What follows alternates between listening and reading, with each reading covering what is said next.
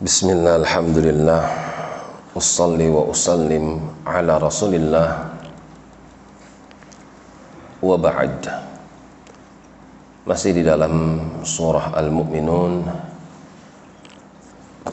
sampai pada firman Allah Ta'ala walaqad akhadnahum dan sungguh aku telah memberikan berbagai macam ujian kepada mereka kaum musyrikin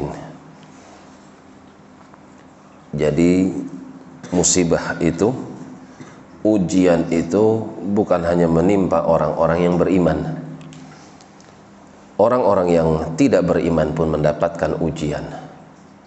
Apakah kelaparan, kurang pangan, atau bingung, kurang jiwa, atau penyakit yang akan menimpa mereka. Hanya saja yang membedakan orang yang beriman dengan orang yang tidak beriman, ujian yang menimpa orang beriman akan menggugurkan dosanya dan akan membuahkan pahala Adapun ujian yang menimpa orang-orang yang tidak beriman maka tidak menambah mereka kecuali keluh kesah dan dosa. Walaqad akhadnahum aku telah menimpakan kepada mereka bil azab berupa hukuman berupa musibah-musibah. Famastakanu li rabbihim. Tetap saja mereka tidak tunduk kepada Tuhan mereka. Masih saja kufur. Masih saja menyelisihi jalan yang lurus. Kalau toh ingat sekalipun kepada Tuhannya namun mereka juga mengingat kepada Tuhan selain Allah syirik. Wa ma tidak pula mereka mau meminta berdoa dengan penuh keikhlasan kepada Tuhannya. Itulah kaum musyrikin.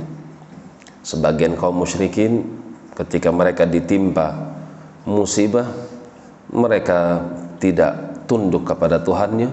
Bahkan di antara mereka tidak ada yang mau berdoa. Sekalinya mereka berdoa mereka berdoa juga kepada selain Allah subhanahu wa ta'ala hatta idza fatahna alaihim baban adzabin syadidin.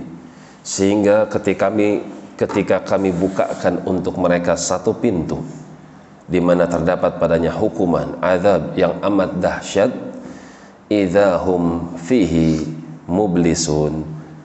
Ketika kami jadikan musibah yang menimpanya berkali lipat dahsyatnya maka jadilah mereka sebagai orang yang berputus asa daripada rahmat rahmat Allah Subhanahu wa taala.